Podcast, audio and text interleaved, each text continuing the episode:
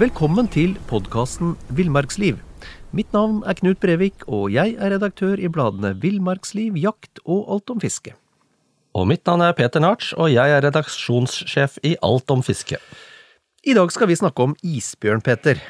Hva er det første du tenker på når du hører ordet isbjørn? Det første jeg tenker på, er eh, konfrontasjonen med mennesker på Svalbard. Og det litt ubehagelige faktum at isbjørnen kan jakte på deg. Og i motsetning til de fleste andre dyr, så er den ikke redd for mennesker. Nei. Det er litt uh, Hva skal jeg si? Det er, det er litt skremmende. Ja.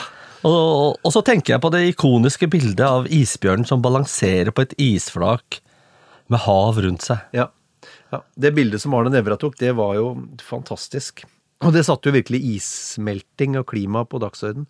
Um, det, det, det kan man definitivt si var et bilde som sa mer enn tusen ord.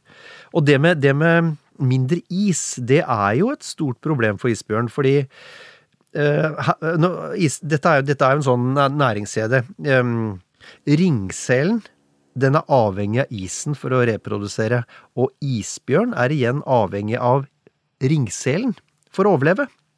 Og, og nå er um, nå er riktignok isbjørn er en glimrende svømmer da, med, med voldsomme krefter. De kan jo faktisk svømme i dagevis i isvannet. Men isbjørn er avhengig av isstekt hav for å overleve. Det er der på isen han finner maten sin, altså. Det er der ringselen er. Um, og det er, det er isen isbjørn bruker når han skal over til områdene der han er hi. Og de viktigste hiområdene for isbjørn på Svalbard, det er jo det er Kongsøya, det er Svenskøya, det er Etsjøya, det er Nordaustlandet, som ligger nord for Spitsbergen, og så er det Hopen. Og dette er jo øyer og områder som ligger øst og, og nord for, for Spitsbergen, da. Så hvis, så hvis isen kommer seint hit, så fører det faktisk til at eh, færre binner når fram til, til øyene og kan gå i hi enn i vanlige år. Så, så i, milde, i milde år så fødes det færre unger i disse områdene enn i kaldere år. Og, og vi veit at mange år med lite havis, det, det kan føre til lav overlevelse, særlig blant unge dyr.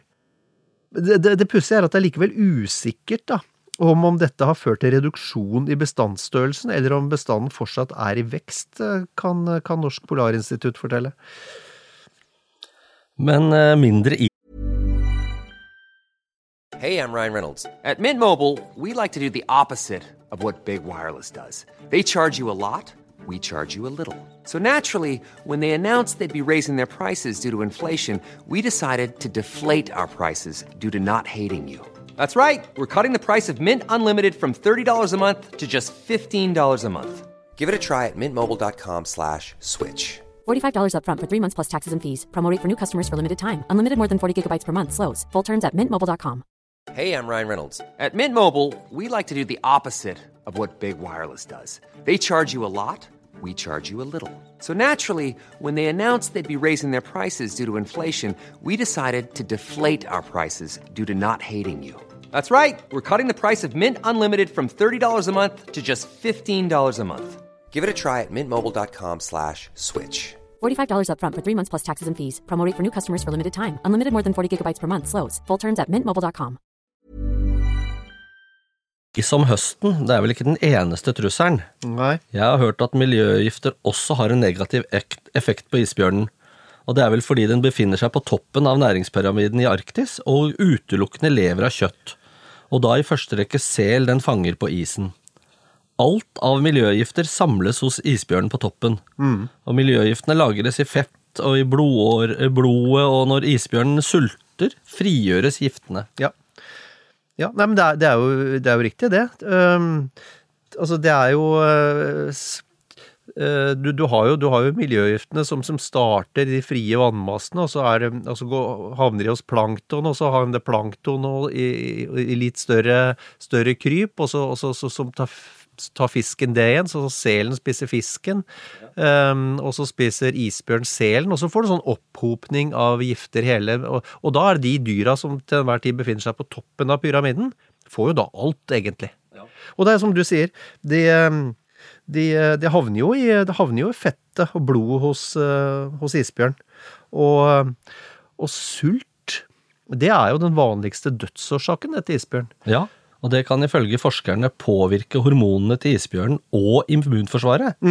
Isbjørnen har jo perioder hvor den sulter, hvor det ikke er så lett å fange sel, og da frigjøres miljøgiftene og kan gjøre skade hos bjørnen. Isbjørnbinna tilbringer rundt fire måneder i hiet uten å spise med den ene eller de to ungene sine, og siden melken hun dier det med er svært fettrik, kan hun da overføre giftene til ungene. Ja. Og da, fordi de fire månedene, da sulter hun jo. Altså Hun ligger bare og, og ruger på, på reservene sine. Så det hun har i fettet og i kroppen, det havner hos unga.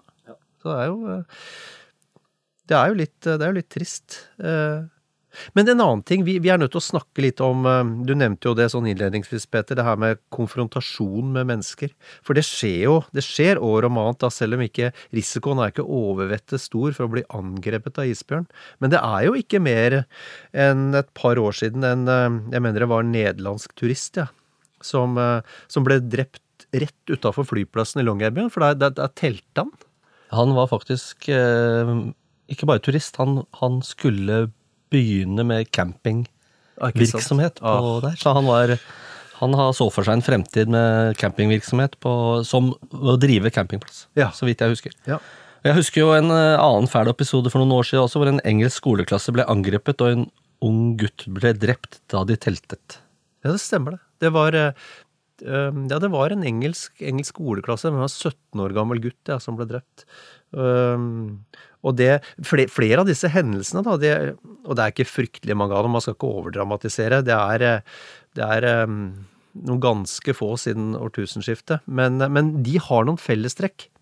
Eh, selv om det ikke nødvendigvis gjelder for alle episodene, så involverer det ofte unge, sultne isbjørner, og det involverer mangelfull sikring av, av teltplassen eller camp, eh, campen. Eh, At de ikke har varsling. Og, og til dels også litt sånn manglende våpenkompetanse. Jeg mener å huske at den, i den tilfellet med den engelske skoleklassen og den ekspedisjonen, så, så, så klarte de ikke å bruke den boltrifla de hadde med seg. Eh, altså, de drev og repeterte og bare dro ut patronene, ikke sant. Og det er klart, da, da Men det er jo som alt utstyr og redskap, da. Hvis du ikke kan bruke det, så har jo ikke noe særlig nytte. Det er jo en diskusjon på Svalbard om tilreisende i det hele tatt bør få lov til å telte. Ja, vet du, det, det har jeg fått med meg. Og, og at det diskuteres faktisk blant de fastboende om, om, eh, om det bør nå er det, ikke nå er det ikke de fastboende på Svalbard som bestemmer det, men, men der, eh, der går diskusjonen ganske friskt, altså om tilreisende eh, faktisk bør pålegges å overnatte i hytter. Det er jo en del hytter rundt, eh, rundt på, på Spitsbergen, i hvert fall. Um, For det er klart, du skal ha respekt for, for et dyr på 500-600 kilo, da, som en voksen hannbjørn veier. Jeg tror faktisk jeg hadde klart å sovne i et telt på Svalbard. Med den tynne, tynne teltduken mellom meg og alt som lurer utafor. Ikke sant? Det er jo litt crazy. Ja, jeg, jeg ser den, altså. Men, men jeg husker vi lagde, jeg husker vi lagde en, en, sånn, en podkast um, med, med isbjørnforsker, legendarisk isbjørnforsker To Larsen for en tid tilbake. Og han hadde jo møtt noen hundre isbjørner i sin tid, altså, og, og aldri vært redd. Og han mente at den redselen for isbjørn var litt overdrevet, da. Jeg husker også at vi snakka med, med, med, med Kjell Reidar Hovelsrud, en sånn annen sånn Svalbard-veteran. Um, og han fortalte historien om da han en gang fikk en isbjørn inn i fangsthytta si. Altså ikke, ikke bare utafor, men han fikk den inn. Um, en fantastisk historie. Og han var jo sikker på at hans siste time var kommet, da, fordi bjørnen, bjørn sprinta jo etter den, vet du. Um, ut, utenfor uh, fangsthytta. Inn i fangsthytta. Han heiv seg av mellomgangen. Løp gjennom mellomgangen, bare heiv seg inn i hoved, hovedrommet.